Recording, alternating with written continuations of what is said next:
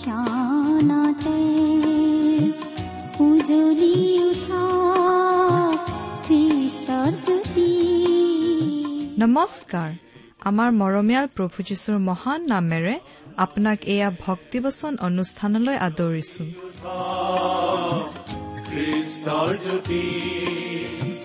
আকাশ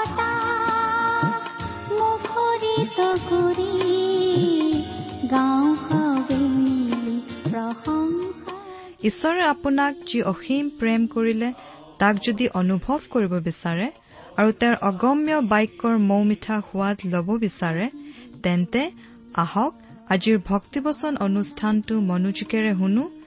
এয়া আপোনালৈ আগবঢ়াইছো ঈশ্বৰৰ জীৱন্ত বাক্যৰ অনুষ্ঠান ভক্তিবচন।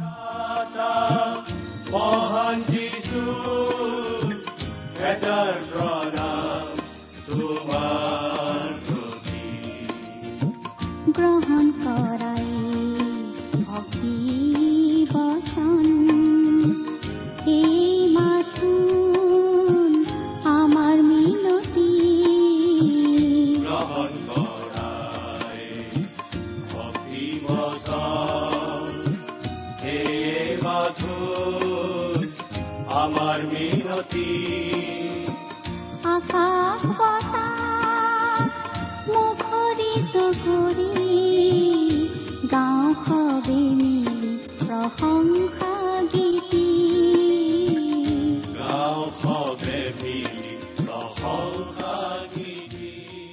আমাৰ পৰম পবিত্ৰ প্ৰভু যীশুখ্ৰীষ্টৰ নামত নমস্কাৰ প্ৰিয় শ্ৰোতা। আশা কৰো মহান পিতা পৰমেশ্বৰৰ মহান অনুগ্ৰহত আপুনি ভালে কুশলে আছে। লগতে এই বুলিও আশা কৰিছো যে আপুনি আমাৰ এই ভক্তিবচন অনুষ্ঠানটো নিয়মিতভাৱে শুনি আছে। যদিহে আজি প্ৰথমবাৰৰ বাবে শুনিছে শুনি কেনে পালে আমালৈ চিঠি লিখি জনাবচোন? যদিহে আপুনি আমাৰ নিয়মীয়া শ্ৰোতা কিন্তু কেতিয়াও আমালৈ চিঠি পত্ৰ লিখা নাই আজিয়েই লিখকচোন দুষাৰমান। আৰু যদিহে আপুনি মাজে সময়ে চিঠি পত্ৰ লিখি আছে তেনেহলে আপোনাক ধন্যবাদ জনাওঁ। আমাৰ ঠিকনা ভক্তিবচন টি ডব্লিউ আৰ ইণ্ডিয়া ডাক বাকচ নম্বৰ সাত শূন্য গুৱাহাটী সাত আঠ এক শূন্য শূন্য এক। ভক্তিবচন T W R India postbox number seventy Guwahati seven eight one zero' zero' one.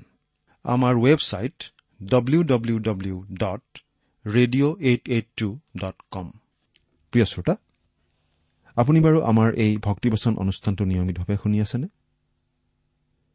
আমি বাৰু এতিয়া বাইবেলৰ কোনখন পুস্তকৰ অধ্যয়ন চলাই আছো আপোনাৰ মনত আছেনে? আপুনি যদিহে আমাৰ এই অনুষ্ঠানটোৰ নিয়মীয়া শ্ৰোতা তেনেহলে আপুনি এই কথা নিশ্চয় জানে যে আমি এতিয়া বাইবেলৰ পুৰণি নিয়ম খণ্ডৰ মিশা ভাৱবাদীৰ পুস্তক নামৰ পুস্তকখন অধ্যয়ন কৰি আছো। নহয়নে বাৰু? চমুকৈ আমি মিশা পুস্তক বুলিয়েই কওঁ। যোৱা অনুষ্ঠানত বাৰু আমি কি আলোচনা কৰিছিলো? আপোনাৰ মনত আছেনে? যদিহে আপুনি অনুষ্ঠানটো শুনিছিল তেতিয়াহ'লে আপুনি নিশ্চয় জানে যে যোৱা অনুষ্ঠানত এই মিশা ভাৱবাদীৰ পুস্তকখনৰ এক নম্বৰ অধ্যায়ৰ আঠ নম্বৰ পদৰ পৰা বাৰ নম্বৰ পদলৈকে পঢ়ি তাৰ ভিত্তিতেই আমাৰ আলোচনা আগবঢ়াইছিলো। নহয় জানো?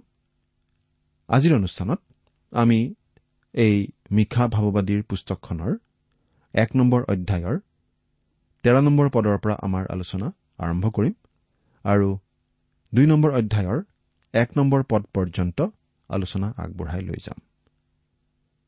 আমি উল্লেখ কৰি আহিছো যে এই মিশা পুস্তকখন হৈছে এখন ভাৱবাণীমূলক পুস্তক। ঈশ্বৰে যে ইছৰাইল জাতিৰ ওপৰলৈ সোধ বিচাৰ দণ্ড নমাই আনিব ধৰিছে।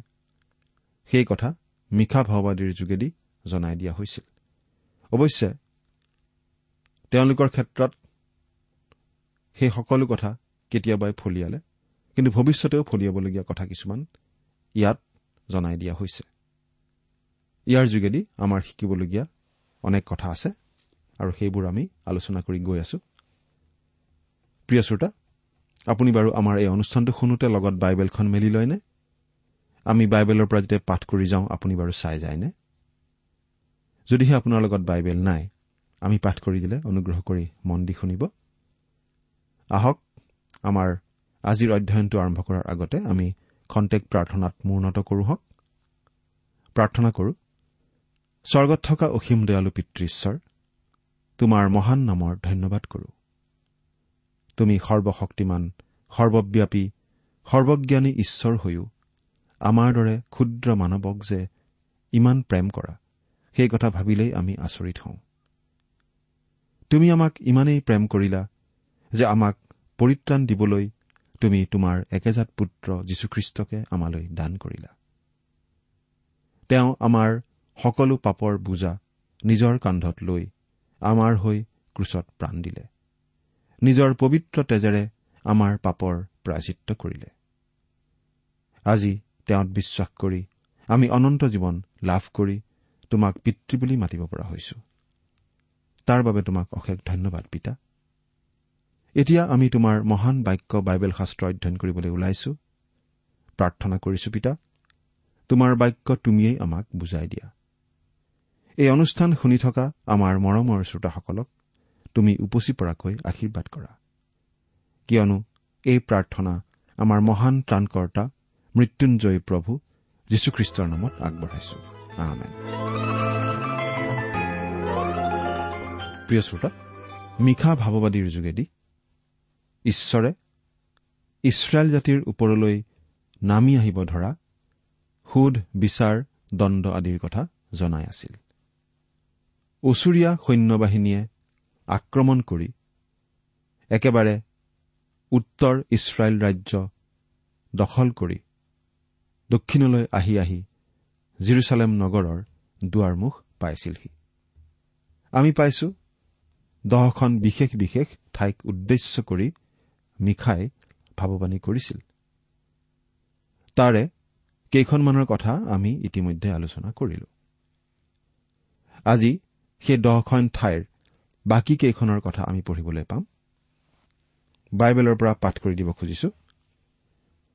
মিখা এক নম্বৰ অধ্যায়ৰ তেৰ নম্বৰ পদ। চাবচোন ইয়াত কি লিখা আছে। পাঠ কৰি দিম। হে লাখিছ নিবাসিনী ৰথত বেগী ঘোঁৰা লগোৱা। চিউন জীয়াৰীৰ পাপ তাৰ পৰাই আৰম্ভ হৈছে। কিয়নো ইছৰাইলৰ অধৰ্মবোৰ তোমাৰ মাজত পোৱা গ'ল। লাখিছ। লাখিছ শব্দটোৰ অৰ্থ কি বাৰু? লাখিছ মানে হৈছে ঘোঁৰাৰ নগৰ। সেই লাখিছ নামৰ ঠাইৰ ঘোঁৰাৰ আস্তাবলবিলাক অতি বিখ্যাত আছিল। এই লাখিছ নগৰখন বাৰু ক'ত? এই নগৰখন জিৰচালেম নগৰৰ দক্ষিণ পশ্চিমে অৱস্থিত আছিল আৰু পলেষ্টিয়াবিলাকৰ দেশৰ একেবাৰে সীমাত অৱস্থিত আছিল। এই লাখিছ নামৰ ঠাইখনতেই দক্ষিণ ৰাজ্য অৰ্থাৎ জিহুদাত সৰ্বপ্ৰথমে প্ৰতিমা পূজাৰ সূত্ৰপাত কৰা হৈছিল। আমাৰ এনেকুৱা মনে ধৰে যে এই লাখিছ নগৰখনেই আছিল উত্তৰ ৰাজ্য অৰ্থাৎ ইছৰাইল আৰু দক্ষিণ ৰাজ্য অৰ্থাৎ জিহুদা ৰাজ্যৰ মাজত প্ৰতিমা পূজাৰ যোগসূত্ৰস্বৰূপ। ৰথত বেগী ঘোঁৰা লগোৱা। ইয়াত ঘোঁৰাৰ কথা কোৱা হৈছে। আৰু এই লাখিছ নামৰ ঠাইতেই ঘোঁৰাবোৰ ৰখা হৈছিল। সেই ঘোঁৰাবোৰ আচলতে সূৰ্য উপাসনাত ব্যৱহাৰ কৰা হৈছিল। প্ৰিয় শ্ৰোতা আমি এই কথাও জানো যে গ্ৰীকসকলেও সূৰ্য উপাসনা কৰিছিল। তেওঁলোকৰ এজন দেৱতা আছিল এপল আৰু সেই দেৱতা এপল দেৱতা আছিল আচলতে সূৰ্য দেৱতা। সেই এপলোৱে ঘোঁৰাই টনা ৰথ আকাশত চলাই ফুৰা বুলি তেওঁলোকে বিশ্বাস কৰিছিল। ইয়াত আমি দেখিবলৈ পাইছো ঈশ্বৰে সেই লাখিছ নগৰখনক দোষাৰোপ কৰিছে। কিয়? কাৰণ সেই লাখিছ নগৰখনেই দক্ষিণৰ ৰাজ্য অৰ্থাৎ জিহুদা ৰাজ্যত প্ৰতিমা পূজাৰ প্ৰৱৰ্তন কৰিছিল। এতিয়া চৈধ্য নম্বৰ পদটো চাওকচোন। ইয়াত এনেদৰে পাওঁ এই হেতুকে তুমি মোৰেচত গতক ত্যাগপত্ৰ দিবা। ইছৰাইলৰ ৰজাবিলাকলৈ অগজীৱৰ ঘৰবোৰ প্ৰবঞ্চক জুৰিস্বৰূপ হ'ব। মোৰেচত গট এইখন আন এখন ঠাই। নামটো অলপ আচহুৱা হলেও এইখনো এখন ইয়াত উল্লেখ কৰা দহখনৰ এখন ঠাই। আৰু এই ঠাইখন আছিল মিশা ভাৱবাদীৰ নগৰ। এই নগৰখন আছিল দক্ষিণ ৰাজ্য অৰ্থাৎ জিহুদা দেশত। ইছৰাইলৰ ৰজাবিলাকলৈ অগজীৱৰ ঘৰবোৰ প্ৰবঞ্চক জুৰিস্বৰূপ হ'ব। অগজীৱ মানে কি বাৰু? অগজীৱ নামটোৰ অৰ্থ হৈছে মিছা কোৱা নগৰ। আন আন নগৰবোৰৰ নিচিনাকৈ এই অগজীৱ অৰ্থাৎ মিছা কোৱা নগৰো নাম অনুসাৰে কাম কৰা নগৰেই আছিল। যেনে নাম তেনে কাম। নগৰৰ বাসিন্দাসকলে সদায় মিছা কথাৰেই আশ্ৰয় লৈছিল।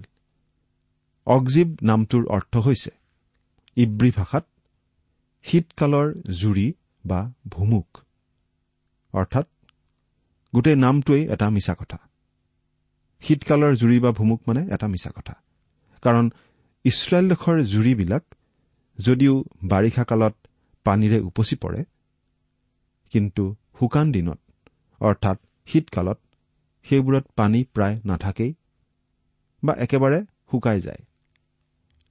ইছৰাইল দেশত তেনেকুৱা শুকান নিজৰা নৈ আদি বহুতো দেখা যায়। তাত নৈ এখন আছে বুলি গম পোৱা যায় কিন্তু পানী প্ৰায় নাথাকেই। কিন্তু মৰুভূমি অঞ্চলত হঠাতে নামি অহা বাৰিষাৰ ঢলে সেই নৈবোৰ ফেনে ফুটুকাৰে উপচাই পেলাব পাৰে। গতিকে আমি নিশ্চয় বুজি পাইছো যে অগজীৱ মানে মিছা কথা কিয় মিছা কথা? কাৰণ শীতকালৰ জুৰি বা ভুমুকত আচলতে কোনো পানী নাথাকে তেওঁলোকৰ দেশত। শীতকালৰ নিজৰাৰ নিচিনাই মিছা কথা। আৰু অগজীৱ নগৰখন আছিল মিছা কথাৰ নগৰ। কাৰণ তেওঁলোকে উত্তৰ ৰাজ্য অৰ্থাৎ ইছৰাইল ৰাজ্যক সহায় কৰিবলৈ প্ৰতিশ্ৰুতি দিছিল। কিন্তু যেতিয়া প্ৰয়োজন আহি পৰিছিল তেতিয়া তেওঁলোকে ইছৰাইল ৰাজ্যক অলপো সহায় কৰা নাছিল। তেওঁলোকে মিছা কথা কৈছিল। ইছৰাইলৰ ৰজাবিলাকলৈ অগজীৱৰ ঘৰবোৰ প্ৰবঞ্চক জুৰিস্বৰূপ হ'ব। সঁচাকৈ হৈছিল। তেওঁলোক প্ৰবঞ্চক লোক আছিল। এতিয়া পোন্ধৰ নম্বৰ পদটো চাওঁ হওক তদুপৰি হে মাৰেচা নিবাসিনী যিজন তোমাৰ অধিকাৰী হ'ব এনেজনক মই তোমাৰ ওচৰলৈ আনিম। ইছৰাইলৰ গৌৰৱ অদুল্লমলৈকে যাব। এই পদটোত এনেকুৱা এটা ভাৱ প্ৰকাশ পাইছে যে ইছৰাইললৈ সহায়ক আহিব। কিন্তু ঠিক এই সময়ত নাহে। ইয়াত অলপ ক্ষীণ ধাৰণা এটা দিয়া হৈছে। ইছৰাইলৰ গৌৰৱ এজনা আহিব। আৰু ইছৰাইলৰ গৌৰৱ হৈছে ডায়ুদৰ বংশত জন্মিবলগীয়া উত্তৰাধিকাৰী। আৰু সেই বৰ্ণনাটো একমাত্ৰ প্ৰভু যীশুখ্ৰীষ্টৰ ক্ষেত্ৰতহে মিলি যায়। প্ৰভু যীশুখ্ৰীষ্টৰ এটা নাম হৈছে বিশ্বস্ত। তেওঁ বিশ্বস্ত আৰু তেওঁ সত্য। আৰু তেওঁলোকক উদ্ধাৰ কৰিবলৈ তেওঁ আহিব। কিন্তু তেওঁ মিছাৰ নগৰৰ পৰা নাহে। সেই কথাত সন্দেহ নাই। কিন্তু মিশা ভাৱবাদীৰ দিনত ইছৰাইল প্ৰবঞ্চিত হৈছিল। ভীষণভাৱে প্ৰবঞ্চিত হৈছিল। আৰু যেতিয়া উত্তৰৰ পৰা নামি অহা ওচৰীয়া সৈন্যবাহিনীয়ে ইছৰাইলীয়া লোকবিলাকক আক্ৰমণ কৰিছিল তেতিয়া কোনো সহায় তেওঁলোকে পোৱা নাছিল আৰু ওচৰীয়াবিলাকে তেওঁলোকৰ দেশখন দখল কৰিছিল। এতিয়া আমি দেখিবলৈ পাম মিশা ভাৱবাদীয়ে ইছৰাইল জাতিটোক জাতি হিচাপে দুখ কৰিবলৈ কৈছে। ষোল্ল নম্বৰ পদটো চাওঁচোন। তুমি তোমাৰ মৰমৰ সন্তানৰ শোকত চুলি কাটি মোৰ টকলা কৰা। শগুনৰ নিচিনাকৈ তোমাৰ টকলা বঢ়োৱা। কিয়নো সিহঁত তোমাৰ পৰা দেশান্তৰলৈ গ'ল। প্ৰিয় শ্ৰোতা যেতিয়া সেই ওচৰীয়া সৈন্যবিলাকে প্ৰথমবাৰ ইছৰাইল দেশ আক্ৰমণ কৰিছিল তেতিয়া তেওঁবিলাকে ইছৰাইলীয়া ডেকাবিলাকক বন্দী কৰি তেওঁলোকৰ দেশলৈ লৈ গৈছিল। আৰু সেইকাৰণে মানুহবোৰক দুখ কৰিবলৈ কোৱা হৈছে কিয়নো তেওঁলোকৰ সন্তানবিলাকক তেওঁলোকৰ দেশৰ পৰা বন্দী কৰি শত্ৰুবোৰে লৈ গ'ল। মূৰৰ চুলি টকলা কৰাটো দুখ বেজাৰৰ এটা চিন। যদিও মুচিৰ বিধানমতে তেওঁলোকক দাড়ি নাকাটিবলৈ আৰু দাড়িৰ চুক কোণ নাকাটিবলৈ কোৱা হৈছিল দাড়ি খুৰাই পেলোৱাটো নিষেধ কৰা আছিল কিন্তু জাতিটোৰ যি পাপ হ'ল সেইবাবে এতিয়া এনেধৰণেই দুখ প্ৰকাশ কৰিবলৈ তেওঁলোকক কোৱা হৈছে। মন কৰিবলগীয়া কথা নহয়নে বাৰু? এনেদৰে দুখ বেজাৰ প্ৰকাশ কৰা নিয়মটোৰ বিষয়ে মিশা ভাৱবাদীৰ সমসাময়িক যিচয়া ভাৱবাদীয়েও আমাক জনাইছে। আমি চাওঁ যিচয়া পোন্ধৰ নম্বৰ অধ্যায়ৰ দুই নম্বৰ পদ। ইয়াত কি লিখিছে? লোকবিলাকে মন্দিৰ আৰু দিবুনলৈ ওখ ঠাইবোৰলৈ ক্ৰদন কৰিবৰ অৰ্থে উঠি গ'ল। নবু আৰু মেদবাৰ ওপৰত মোৱাবে হাহাকাৰ কৰিছে। আটাইৰে মূৰ টকলা। প্ৰতিজনৰ দাড়ি কটা হৈছে। এই পদটোৱে অতি গভীৰভাৱে দুখ বেজাৰ প্ৰকাশ কৰা চিঞৰি চিঞৰি ক্ৰদন কৰাৰ ভাৱ এটা প্ৰকাশ কৰিছে। তেওঁলোকে নিজৰ সন্তানবোৰ হেৰুৱাইছিল আৰু এয়া আছিল তেওঁলোকৰ ওপৰলৈ নামি অহা ঈশ্বৰৰ ক্ৰোধ ঈশ্বৰৰ সুধবিচাৰ আৰু দণ্ড।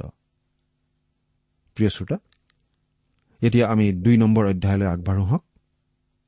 এই দুই নম্বৰ অধ্যায়ত আমি মিশা ভাৱবাদীৰ দ্বিতীয়টো বাৰ্তা পঢ়িবলৈ পাওঁ। আৰু ইয়াত কিছুমান বিশেষ বিশেষ পাপৰ কথা উল্লেখ কৰা আমি পাওঁ।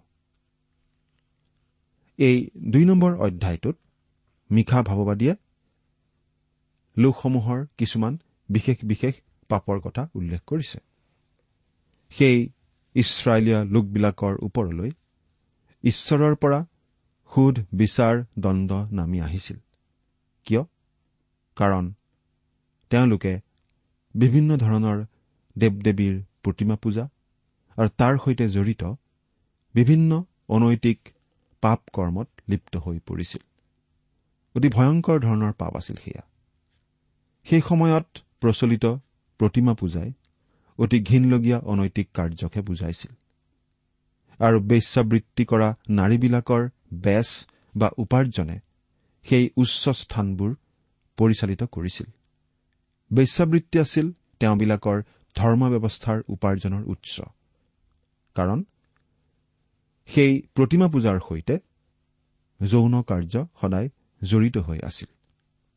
প্ৰিয় শ্ৰোতা আজিও আমি তেনেকুৱা ঘটি থকা দেখিবলৈ পাওঁ।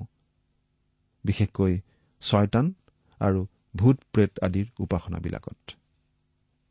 আমি ভাবো মিশা ভাৱবাদীৰ দিনৰ প্ৰতিমা পূজা আৰু আজিৰ দিনৰ অসুচী আত্মাৰ সেৱা পূজা আদিৰ মাজত যথেষ্ট সম্বন্ধ আছে। দুয়ো ক্ষেত্ৰতেই যৌন কাৰ্যই বিশেষ ভূমিকা পালন কৰে। সেইবোৰ আচলতে মানুহে ঈশ্বৰৰ আজ্ঞা লংঘন কৰাৰ চিন বা প্ৰকাশ। যৌন বিষয়ক পাপ আৰু প্ৰতিমা পূজাৰ মাজত সম্বন্ধ থকাটো পৰিলক্ষিত হয়। আৰু সেইবিলাক কাৰ্যই একো একোটা পৰিয়াল একেবাৰে ধ্বংস কৰি পেলায় ছিন্ন ভিন্ন কৰি পেলায়। আৰু বিবাহৰ যোগেদি পুৰুষ আৰু নাৰীৰ মাজত থাকিবলগীয়া মধুৰ সম্বন্ধ সেইবিলাক পাপে একেবাৰে ধ্বংস কৰি পেলায়। যেতিয়া যৌন কাৰ্য বিবাহৰ বন্ধনৰ মাজত আবদ্ধ ৰখা হয় তেতিয়া এই কাৰ্য এই জগতৰ সকলোতকৈ মূল্যৱান আৰু মধুৰ সম্বন্ধত পৰিণত হয়। কিন্তু যেতিয়া কোনো এখন দেশ বা জাতিয়ে এই যৌন কাৰ্য সঠিক পৰিসীমাৰ মাজত আবদ্ধ ৰাখিব নোৱাৰে সেই পৰিসীমাৰ পৰা বাহিৰ কৰি নিয়ে আৰু অবৈধ যৌন কাৰ্যও সাধাৰণভাৱে গ্ৰহণ কৰি লয়। ভুৱা বিশ্বাস তথা নতুন নৈতিকতাৰ নামত। তেতিয়া এই কথাটোহে প্ৰমাণিত হয় যে সেই দেশ বা সেই জাতিৰ অধপতন ঘটিছে। সেই দেশ বা সেই জাতি ধ্বংসমুখী হৈছে। এই অধ্যায়টোত মিশা ভাৱবাদীয়ে যিবোৰ পাপৰ বিৰুদ্ধে ক'ব সেই পাপবোৰ হৈছে পৰস্পৰৰ বিৰুদ্ধে কৰা পাপ। মানৱ জাতিৰ বিৰুদ্ধে কৰা পাপ। কিন্তু প্ৰথম অধ্যায়ত যি পাপৰ কথা কোৱা হৈছিল সেই পাপবিলাক আছিল ঈশ্বৰৰ সৈতে থকা সম্বন্ধৰ ক্ষেত্ৰত অৰ্থাৎ ঈশ্বৰৰ বিৰুদ্ধে কৰা পাপ। আমি এই কথাটো জনা উচিত যে যেতিয়া ঈশ্বৰৰ সৈতে কোনো এজন মানুহৰ সম্বন্ধ ঠিক নাথাকে আন মানুহৰ সৈতেও সেই মানুহৰ সম্বন্ধ ঠিক থাকিব নোৱাৰে। আৰু যেতিয়া কোনো মানুহৰ সম্বন্ধ ঈশ্বৰৰ সৈতে ঠিকে থাকে। তেতিয়া তেওঁ বিচাৰক বা নিবিচাৰক আন মানুহৰ সৈতে তেওঁৰ সম্বন্ধ ভাল হ'ব পাৰে। উদাহৰণস্বৰূপে পশ্চিমীয়া দেশ এখনত এবাৰ এটা বিশেষ সমাজ সংস্কাৰ আন্দোলন চলিছিল। লাভি ডাভি আন্দোলন বুলি সেই সমাজ সংস্কাৰ আন্দোলনটো কোৱা হৈছিল। কিন্তু তাৰ সৈতে জড়িত ডেকা ডেকেৰী আদি ঈশ্বৰৰ সৈতে সম্বন্ধ ৰাখি চলা ডেকা ডেকেৰী নাছিল। সেইবাবে পাছলৈ সেই আন্দোলন অতি গভীৰ অনৈতিকতাৰ কবলত পৰিছিল। সেই আন্দোলনে বহুতো যুৱক যুৱতীৰ জীৱন চিৰদিনৰ বাবে ধ্বংস কৰি পেলাইছিল। এৰা প্ৰিয় শ্ৰোতা যদিহে ঈশ্বৰৰ সৈতে আমাৰ সম্বন্ধ ঠিকে নাথাকে তেতিয়াহ'লে আন মানুহৰ সৈতে আমাৰ সম্বন্ধ ঠিক থাকিব নোৱাৰে বা উচিত ধৰণৰ সম্বন্ধ স্থাপন হ'ব নোৱাৰে। দুই নম্বৰ অধ্যায়টো আকৰ্ষণীয় অধ্যায় নহয়। ঈশ্বৰৰ বাক্যত ই সকলোতকৈ আকৰ্ষণীয় অধ্যায় নিশ্চয় নহয়। কিন্তু এই অধ্যায়ে জাতিটোক ধ্বংস কৰা পাপবিলাক উদঙাই দেখুৱায়। ঈশ্বৰৰ লোক হিচাপে আৰু জাতি হিচাপে আমি মিশা ভাৱবাদীৰ বাক্যলৈ কাণ দি সাৰ পাই উঠা উচিত। অধ্যায়ৰ এক নম্বৰ পদ।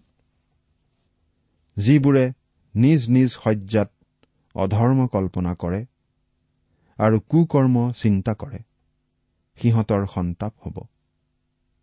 ৰাতিপুৱালেই সিহঁতে তাক সিদ্ধ কৰে কাৰণ সেয়ে সিহঁতৰ হাতৰ ক্ষমতাৰ অধীন। যদিও ইয়াৰ ভিতৰত অবৈধ যৌন সম্পৰ্কৰ কথাটোও পৰে কিন্তু ই আচলতে আন ধৰণৰ মন্দতাৰ কথাহে ঘাইকৈ প্ৰকাশ কৰিছে। তেওঁলোকে যেতিয়া ৰাতি বিচনাত পৰে টোপনি মাৰিবৰ কাৰণে নপৰে। কিন্তু মন্দ কাম কৰিবলৈ পৰিকল্পনা কৰে আঁচনি প্ৰস্তুত কৰে ৰাতি যেন বিচনাত তেওঁলোকে সেইকাৰণেহে পৰে। আৰু হয়তো তেওঁলোক তেনেকুৱা মন্দ কাৰ্যত জড়িত হৈও পৰে। এগৰাকী মহিলাই আপত্তি কৰিছিল যে তেওঁৰ স্বামী যেতিয়া ৰাতি ঘৰলৈ আহে তেওঁ অফিচৰ কাম অফিচতে এৰি থৈ নাহে সেই কাম লগতে লৈ আহে। আৰু ৰাতি বিচনাত পৰোতেও তেওঁ পিছদিনা কি কৰিব তাকেই পাগলি থাকে। সেই মহিলাগৰাকীয়ে বিবাহ বিচ্ছেদ বিচাৰিছিল। তাত আচৰিত হবলগীয়া নিশ্চয় একো নাই। ৰাতিপুৱালেই সিহঁতে তাক সিদ্ধ কৰে কাৰণ সেয়ে সিহঁতৰ হাতৰ ক্ষমতাৰ অধীন। অৰ্থাৎ তেওঁলোকে মনতে যি আঁচনি লয় সেইবোৰ কাৰ্যত পৰিণত কৰিবলৈ সক্ষম হয়। আমাৰ আজিৰ দিনতো এই কথাটো সঁচা যে পাপী আৰু ঈশ্বৰ বিশ্বাসহীন লোকবিলাকেই বেছি সফল হয়। আজি আমাৰ সমাজৰ সা সম্পত্তিবোৰ নিশ্চয় ভাল মানুহৰ হাতত নাই। ঈশ্বৰলৈ ভয় ভক্তি নকৰা মানুহৰ হাততহে আছে। ধন মানেই ক্ষমতা আৰু ধনৰ বলত অনৈতিক লোকসকলো ভুল কামবোৰো সফলভাৱে কৰি যাব পাৰে। আৰু সেইকাৰণে আজি আমি মানৱ জাতি ইমান বেয়া অৱস্থাত পৰিছো। আচল সমস্যাটো শক্তিৰ নাটনি নাইবা বিভিন্ন দলবিলাকৰ অসমৰ্থতা নহয়। কিন্তু সকলো সমস্যাৰ মূল কথা এইয়ে যে ক্ষমতাৰ বাঘজৰি আছে ঈশ্বৰলৈ ভয় ভক্তি নকৰা লোকবিলাকৰ হাতত। এই পাপেই ইছৰাইল জাতিক অধপতিত কৰিছিল। আমি ইতিমধ্যে উল্লেখ কৰিছো যে মিশা ভাৱবাদীয়ে ঈশ্বৰে মানি চলা নিয়ম এটা ইয়াত দেখুৱাইছে। মানৱ জাতিৰ মাজত চলা শাসনৰ নীতি।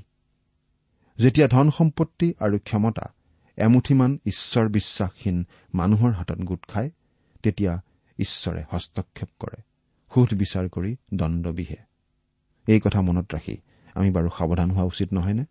ঈশ্বৰে আপোনাক আশীৰ্বাদ কৰক। আহমেদ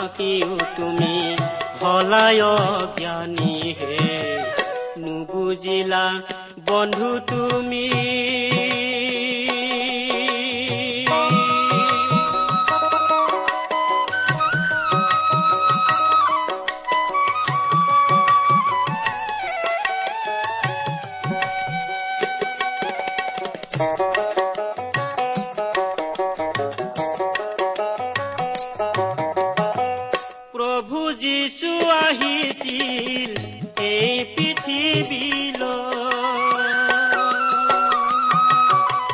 পাপী মানুহক পাপৰ পৰা উদ্ধাৰ ইমান পৰে আপুনি ভক্তিবচন অনুষ্ঠানটি শুনিলে। এই বিষয়ে আপোনাৰ মতামত জানিবলৈ পালে আমি নথৈ আনন্দিত হ'ম। আমি প্ৰস্তুত কৰা বাইবেল অধ্যয়নৰ আন চিডিসমূহ পাব বিচাৰিলেও আমালৈ লিখক। অনুষ্ঠানটি শুনি কেনে পালে আমালৈ চিঠি লিখি জনাবচোন। অনুষ্ঠানত প্ৰচাৰ কৰা কোনো কথা বুজিব লগা থাকিলেও আমালৈ লিখক। আমাৰ ঠিকনা? ভক্তিবচন ট্ৰান্স ৱৰ্ল্ড ৰেডিঅ' ইণ্ডিয়া ডাক বাকচ নম্বৰ সাত শূন্য গুৱাহাটী সাত আঠ এক শূন্য শূন্য এক। ঠিকনাটো আৰু এবাৰ কৈছো।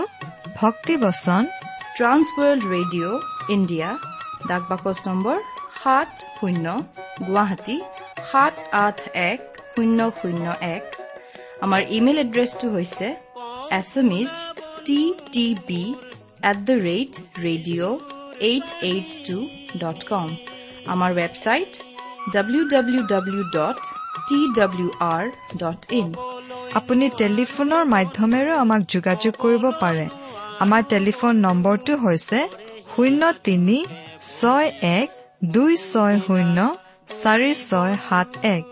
ফোন নম্বৰটো আকৌ এবাৰ কৈছো zero' three six one two six zero' four six seven one.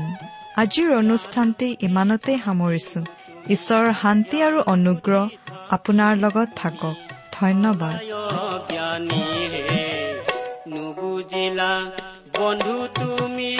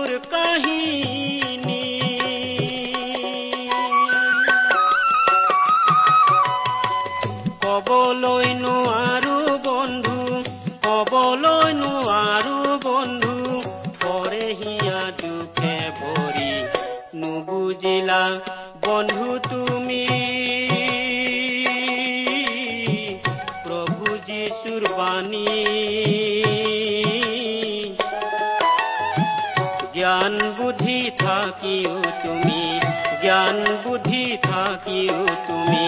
হলায় জ্ঞানী হে। নুবুজিলা বন্ধু তুমি।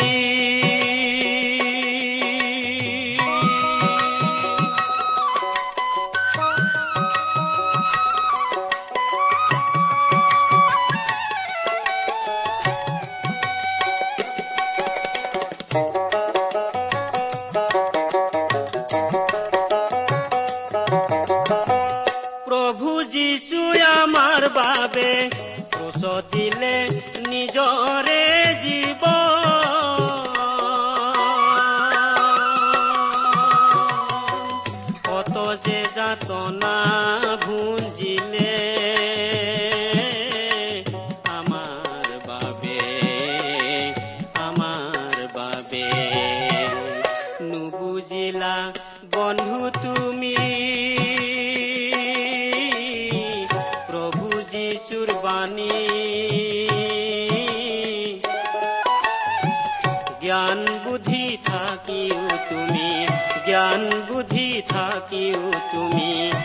হলায় জ্ঞানী হে নুবুজিলা